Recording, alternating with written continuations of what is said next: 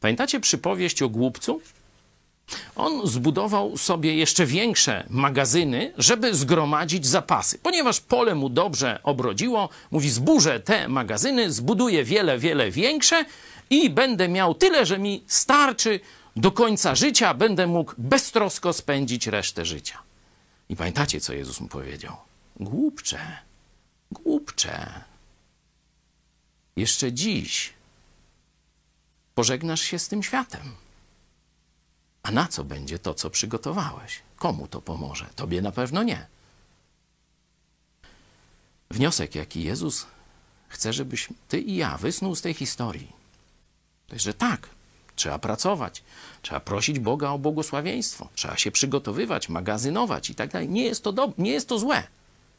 Ale złe jest pokładanie zaufania tym, co masz lub to, co zgromadziłeś. Bo Bóg oferuje bezpieczeństwo. Ale to bezpieczeństwo nie jest w, w Twoim bezpiecznym domu. Masz zamki, masz może broń, może jeszcze, masz garda jakiegoś, psa może bojowego. Nie w tym. Masz bogate konto. Nie w tym. Masz zgromadzone wszystko, co potrzeba. Nie w tym. Nie w tym, co zgromadziłeś, jest bezpieczeństwo prawdziwe. Prawdziwe bezpieczeństwo jest tylko w prawdziwym Bogu. Czy jesteś w nim? Czy należysz do Jezusa Chrystusa?